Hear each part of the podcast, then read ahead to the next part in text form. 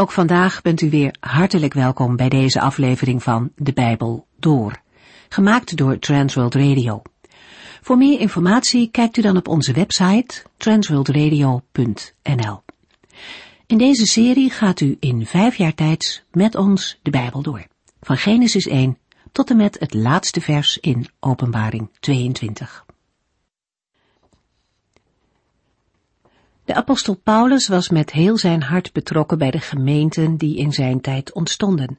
Hij hield van de mensen en hij wilde niets liever dan hen opbouwen en aanmoedigen in het geloof.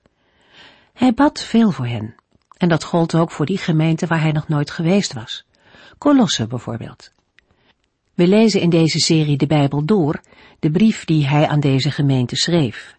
Hoofdstuk 2 opent met een persoonlijke noot van Paulus. Hij wil hen laten weten dat hij zware strijd voert voor hen en ook voor de gemeente in Laodicea. Deze laatste gemeente lag in de buurt.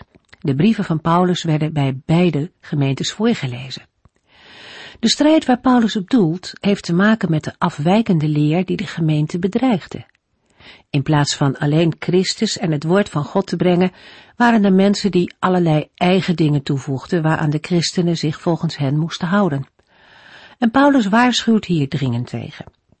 De waarschuwing van Paulus is ook voor ons. In deze tijd zijn er net zoals toen grote gevaren. Ze zijn misschien anders verpakt, maar ze bewerken hetzelfde, namelijk dat het unieke en belangrijke van Christus werk en zijn persoon naar beneden worden gehaald. In hoofdstuk 2 van de brief komen vijf gevaren naar voren. Paulus gaat in op mooie woorden die mensen kunnen misleiden. Vervolgens noemt hij mensen die proberen gelovigen tot een slaaf van menselijke tradities te maken. Een derde gevaar is het wetticisme. Aandacht voor allerlei mystieke gebeurtenissen is ook een punt dat mensen afleidt van de Heer Jezus. En tot slot gaat de apostel in op ascese, een vorm van zelfkastijding. Het zijn verschillende valkuilen, waarbij de ene mens makkelijker in de ene valkuil valt en de andere makkelijker misschien in een andere valkuil stapt. Belangrijk is om er alert op te zijn en er niet in te vallen. En de beste manier om dat te voorkomen is door de Heere God en zijn woord steeds beter te leren kennen. We lezen verder in Colossense 2 vanaf vers 8. In de vorige uitzending hebben we gelezen dat Paulus ingaat op het gevaar van de wijsbegeerte in zijn tijd. In Colossense 2 vers 8 schrijft hij, Wees altijd op uw hoede. Laat u niet misleiden door mensen die met hun ideeën en verleidelijk gepraat proberen u weer tot een slaaf van menselijke tradities te maken. Die ideeën zijn hun ingegeven door de geesten van deze wereld en niet door Christus. Met deze woorden waarschuwt de apostel Paulus voor de tweede keer in de brief van de Colossense tegen de valse leer die in de christelijke gemeente wordt verkondigd. Wees altijd op uw hoede betekent dat mensen vanuit de vrijheid, die zij in Christus hebben ontvangen, weer in de slavernij van de zonde terechtkomen en daarmee in de leugen. De woorden hun ideeën en verleidelijk gepraat kunnen zowel slaan op de Griekse filosofische stromingen als ook op de Joodse denksystemen. Griekse filosofen had Paulus in Athene ontmoet. Paulus uit zich in meerdere brieven negatief over het verlangen naar wereldse wijsheid. Paulus stelt de filosofie die in Kolossen werd verkondigd gelijk aan misleiding of ijdel bedrog. Waarmee hij wil zeggen dat de verkondigde ideeën geen bijbels fundament en inhoud hebben, geen waarheid of kracht hebben die door Christus is ingegeven. Ze zijn ingegeven door de geesten van deze wereld en staan daarmee gelijk aan menselijke tradities. Paulus gebruikt sterke woorden als misleiding en verleidelijk gepraat. Luisteraar, als u zich verdiept in de geschiedenis van de wijsbegeerte, en u begint bij Plato en gaat dan verder in de tijd, dan zult u ontdekken dat de meeste filosofen geen hoge dunk hebben van de Heere, de God van de Bijbel, en zijn geïnspireerde woord. Zowel de oude als de moderne filosofie zoekt naar antwoorden op levensproblemen zonder naar de Heere te luisteren. Maar menselijke denksystemen, ideeën en tradities kunnen daar geen antwoord op geven. Er wordt niet eerst geluisterd naar de schepper en maker van alle dingen. Er wordt geen rekening gehouden met zijn plannen en doel met mensen, deze wereld en zijn schepping. Met onjuiste uitgangspunten staat de mens bij voorbaat al op het verkeerde been. Een mens die zoekt naar wijsheid moet toch voor alles een zoeker naar de waarheid zijn. Dan is het vooral belangrijk waaraan de gevonden wijsheid wordt getoetst en gemeten, opdat zal blijken of het waar of niet waar is, echte wijsheid of misleiding. In 1 Corinthians 1 vers 30 en 31 schrijft Paulus aan de gelovigen, Dankzij God hebt u nu uw leven in Jezus Christus. Daardoor is Christus zelf wijsheid voor u geworden. Door hem staat u rechtvaardig tegenover God en hij heeft u apart gezet en bevrijd. Zo staat het ook in de boeken. Als iemand zich toch op iets wil beroemen, laat hij zich dan beroemen op de Heere. Echte waarheid is alleen te vinden in verbinding met de waarheid. En de Heer Jezus zegt in Johannes 14, vers 6, Ik ben de weg, de waarheid en het leven. Ik ben de enige weg tot de Vader. In de Bijbel wordt veel vaker over ware wijsheid gesproken. We zijn er dieper op ingegaan bij de bespreking van de Bijbelboeken Job, Psalmen, Spreuken, Prediker en Hooglied. In Job 28 vers 28 lezen we, en dit zegt hij, dat is de Heere, tegen de hele mensheid. Ontzag te hebben voor de Heere, dat is de ware wijsheid. Het vermijden van het kwaad is inzicht. Hetzelfde lezen we in Psalm 111, Spreuken 1 en Spreuken 9.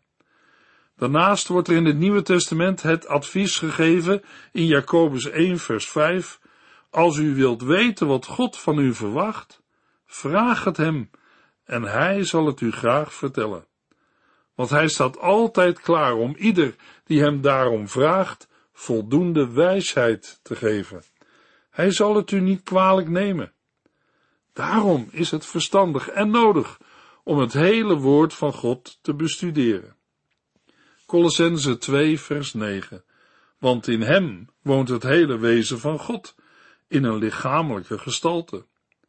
Voordat Paulus verder gaat met zijn aanval op de dwalingen, legt hij eerst de nadruk op de persoon, de plaats en het werk van Christus.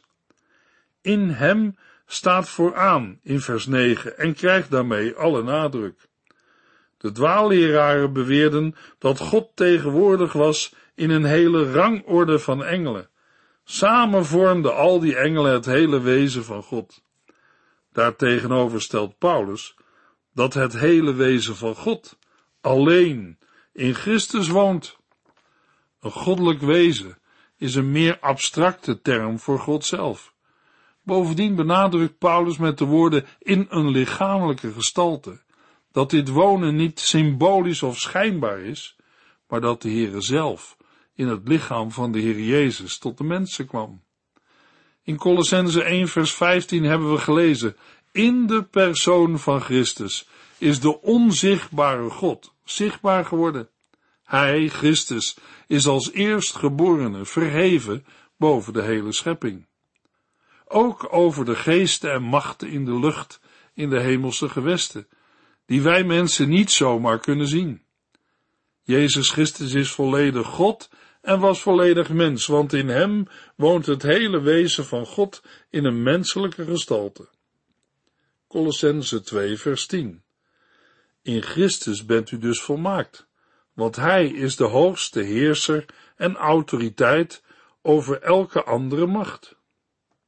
Paulus maakt in de Griekse tekst een woordspeling tussen het hele wezen in vers 9 en volmaakt in vers 10. Het Griekse woord betekent vervuld en volmaakt. Gods volheid woont in Christus en in hem hebben gelovigen toegang tot die volheid. Daaruit volgt dat gelovigen in Christus de engelen niet als bemiddelaars tussen God en mensen nodig hebben. Bovendien staat Christus boven al deze geestelijke overheden en machten. Ze zijn in hem en door hem geschapen. Hij heeft ze ook aan het kruis verslagen en onderworpen. Paulus ontkent in Colossense niet het bestaan van geestelijke machten en gevallen engelen, maar wel dat alleen de hoogste heerser en autoriteit verering toekomt. Vandaar dat de apostel in Colossense 2 vers 18 zegt, laat u niet veroordelen door mensen die aan engelen verering doen. Als een mens het leven in Christus vindt en hem wil navolgen, dan is alles in hem te vinden. Luisteraar, wat hebt u vandaag nodig? Wordt u verleid door mooi klinkende woorden? Wordt u meegezogen door menselijke wijsheden of tradities? Dan is er maar één goed advies. Zoek de Heer Jezus Christus. Ontvang Hem als uw Heer en volg Hem in uw dagelijks leven na. Colossense 2 vers 11 In Hem hebt u ook een besnijdenis ondergaan. Natuurlijk niet lichamelijk, maar geestelijk. Want Hij heeft u door Zijn geest bevrijd van de macht van de zonde, die in uw lichaam heerste. In vers 12 gaat Paulus in op de Joodse elementen in de valse leer, die in Kolosse werd verkondigd, namelijk de besnijdenis. Deze besnijdenis hebben de gelovigen niet nodig, want ze hebben haar in Christus al ontvangen. Ook het Oude Testament kende al een besnijdenis van het hart. In Romeinen 2 vers 28 en 29 schrijft Paulus dat u als Jood geboren bent en volgens Joods gebruik besneden, wil nog niet zeggen dat u een echte Jood bent. Nee, een echte Jood is iemand die zich in zijn hart met God verbonden heeft. Het gaat er niet om of u lichamelijk besneden bent, maar of uw hart en uw gedachten voor God geopend zijn. Dat is besnijdenis door de geest, niet volgens de letter van de wet. Iedereen die zo'n levensverandering heeft ondergaan, krijgt zijn eer van God, niet van mensen.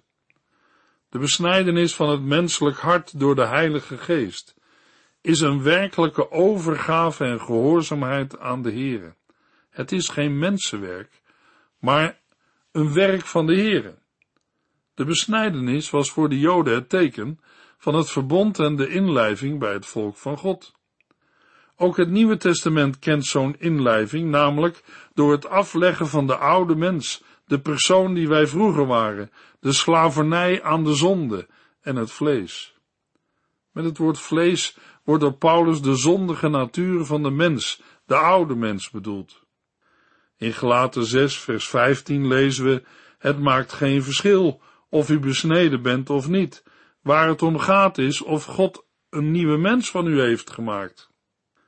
In de Griekse tekst wordt gesproken over de besnijdenis van Christus. De besnijdenis van Christus is het sterven van Christus aan het kruis, als ook een afleggen van het lichaam. Maar bij Christus was er geen zondige natuur die moest sterven. In het volgende vers, in Colossense 2 vers 12, wordt gezegd dat een gelovige in de doop met Christus is begraven. Alleen door Christus is een gelovige een nieuwe schepping geworden en zal hij of zij opstaan tot het eeuwige leven. Colossense 2 vers 12 U bent door de doop met Christus begraven, maar door het geloof in de macht van God, die ook hem uit de dood heeft opgewekt, bent u nu met hem opgestaan en hebt u nieuw leven ontvangen. In vers 11 heeft Paulus met het beeld van de besnijdenis duidelijk gemaakt dat de gelovigen in Christus een veel diepgaander besnijdenis hebben ondergaan dan de Joden, want zij hebben alleen een uiterlijke besnijdenis ontvangen. Het afleggen van het vleeselijke en zondige lichaam wordt in vers 12 nog sterker geïllustreerd door de doop te vergelijken met de begrafenis van Christus. Bij de doop wordt een gelovige zodanig met Christus verbonden dat hij of zij in hem komt. Zo ondergaat de gelovige in de doop de begrafenis, maar ook de opstanding van Christus. In de doop wordt een gelovige opgewekt tot een nieuw leven, door het geloof in de macht van God, die Jezus uit de doden deed opstaan. Met dezelfde kracht is God ook werkzaam in de gelovigen. Hoewel de macht of werking van God kan worden opgevat als oorzaak of bron van het geloof, gaat het hier om het geloof in de kracht of macht van God. We moeten bij de woorden van vers 12 wel de praktijk in de vroeg-christelijke gemeente voor ogen houden, waar de doop meteen op de daad van bekering volgde. De dood en opstanding van Christus zijn historische feiten. Daarom betekenen de woorden u bent nu met hem opgestaan en hebt nieuw leven ontvangen, dat toen Christus stierf, stierven alle gelovigen met hem. En toen hij opstond, stonden ook alle gelovigen met hem op, en werden zij verbonden met een levende Christus. In hem hebben zij nieuw leven ontvangen, tot in eeuwigheid. Colossense 2 vers 13 U was dood door uw ongehoorzaamheid aan God en de macht van de zonde leefde nog in u. Maar nu heeft Hij u samen met Christus levend gemaakt en al uw overtredingen vergeven. Dood betekent in vers 13 een toestand van geestelijke dood, die zichtbaar wordt omdat mensen die Christus niet kennen niet leven zoals God het wil.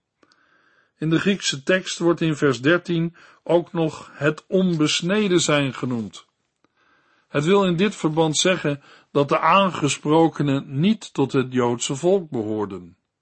Ze waren onbesneden naar het vlees, maar blijkens hun gedrag ook onbesneden van hart.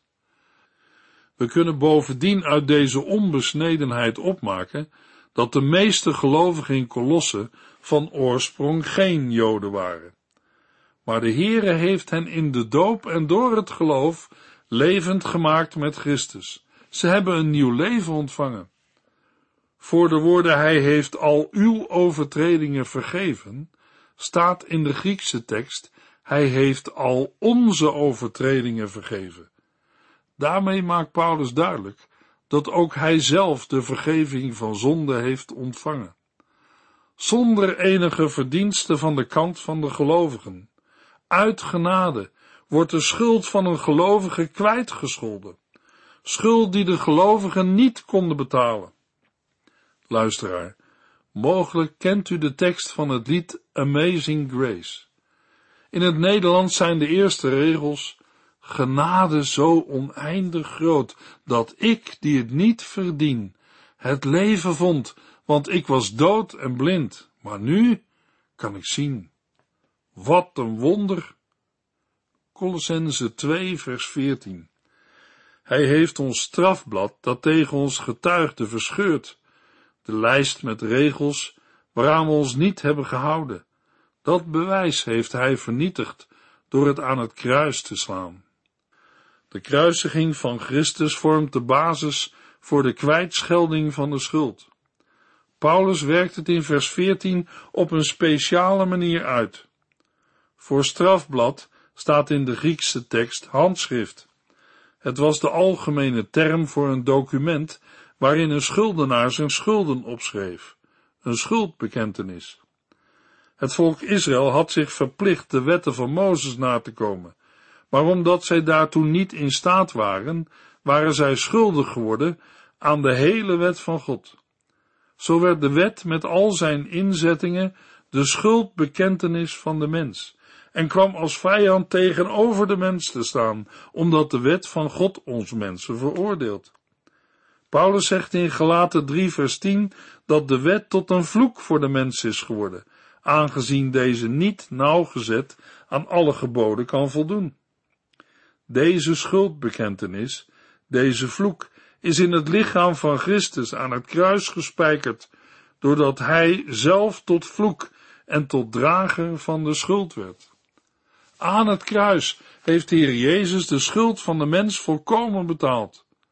Vergeving is er voor ieder die door het geloof deze betaling voor zijn persoonlijke schuld aanvaardt. Colossense 2 vers 15 Op die manier heeft God zich ontdaan van alle heersers en machten. Hij heeft hen in het openbaar te kijk gezet en daarmee laten zien dat zij door het kruis van Christus overwonnen en verslagen zijn. Alle vijandige geestelijke machten zijn door Christus overwonnen en verslagen. Ook de duivel zelf is aan het kruis door Jezus Christus overwonnen. Al deze machten hebben door de overwinning van Christus hun autoriteit over de gelovigen verloren. Paulus schetst het beeld van de overwinning in een veldslag, waarbij de vijanden, na ontwapend te zijn, openbaar te kijk worden gezet. En vervolgens in een triomftocht van de zegevierende generaal als krijgsgevangenen moesten meelopen. De slotwoorden van vers 15 verwijzen naar het kruis waar Christus de grootste overwinning aller tijden behaalde. Colossense 2 vers 16 en 17 Laat u dus door niemand bekritiseren over wat u eet of drinkt. En of u zich al of niet aan feestdagen en rustdagen moet houden. Dit soort dingen zijn immers maar tijdelijk. Ze zijn slechts een schaduw van toekomstige zaken. Maar ons lichaam behoort aan Christus toe. In de versen 16 tot en met 23 volgt de derde aanval van Paulus op de dwaalleer die in Kolosse werd gepredikt. Omdat Paulus deze leer niet in zijn geheel bespreekt, maar alleen enkele kernpunten noemt, is het moeilijk een duidelijk beeld te krijgen van de dwaalleer. Paulus behandelt de terugkeer tot Joodse wetten, de verering van engelen en het ascetisme, met name onthouding en zelfkastijding. Als eerste punt noemt Paulus het eten en drinken. Daarvan kan de achtergrond liggen bij de oud-testamentische voedselwetten of in een ascetische houding. Verder in vers 16 volgt een opsomming van Joodse feest- en rustdagen, zoals deze jaarlijks, maandelijks en wekelijks voorkwamen. Niet de viering van deze feestdagen als zodanig brengt Paulus ter sprake, maar de verkeerde motieven erachter en de poging om deze dagen aan christenen van niet-Joodse afkomst dwingend voor te schrijven. De reden dat gelovigen zich niet moeten laten beoordelen op grond van deze uiterlijkheden is dat de ceremoniële wetten met de komst van Christus hun betekenis hebben verloren. Ze zijn niet meer dan een schaduw, maar Christus is het lichaam. Een schaduw wordt door een bepaald voorwerp veroorzaakt en lijkt er dan ook op, maar een schaduw is nog niet hetzelfde als de zaak waarom het gaat. Het wezenlijke en de werkelijkheid van het christelijk geloof is Christus.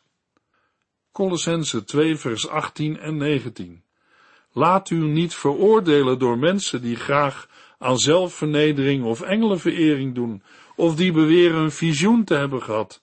Zij laten zich alleen maar voorstaan op hun eigen bedenksels. Zij houden zich niet aan Christus, het hoofd van het lichaam, de gemeente, dat met gewrichten en pezen door hem wordt bijeengehouden.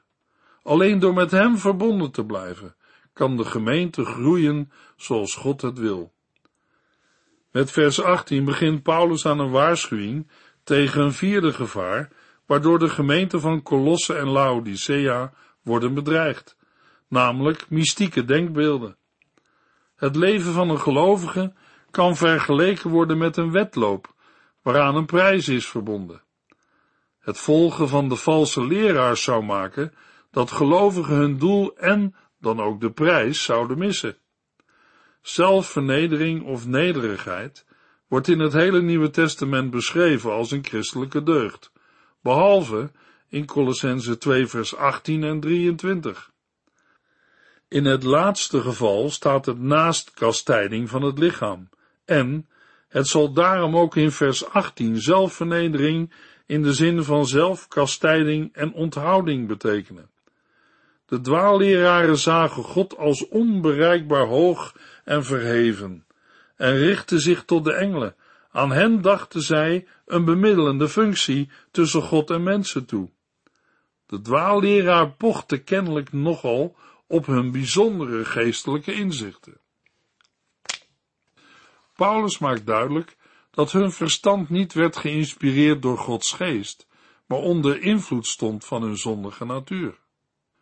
Colossense 2 vers 20 tot en met 23 als u nu met Christus gestorven bent en dus dood bent voor de wereldmachten, waarom laat u zich dan toch alsof u nog steeds in de wereld leeft, weer regels opleggen, zoals blijf af, eet dat niet en raak dat niet aan.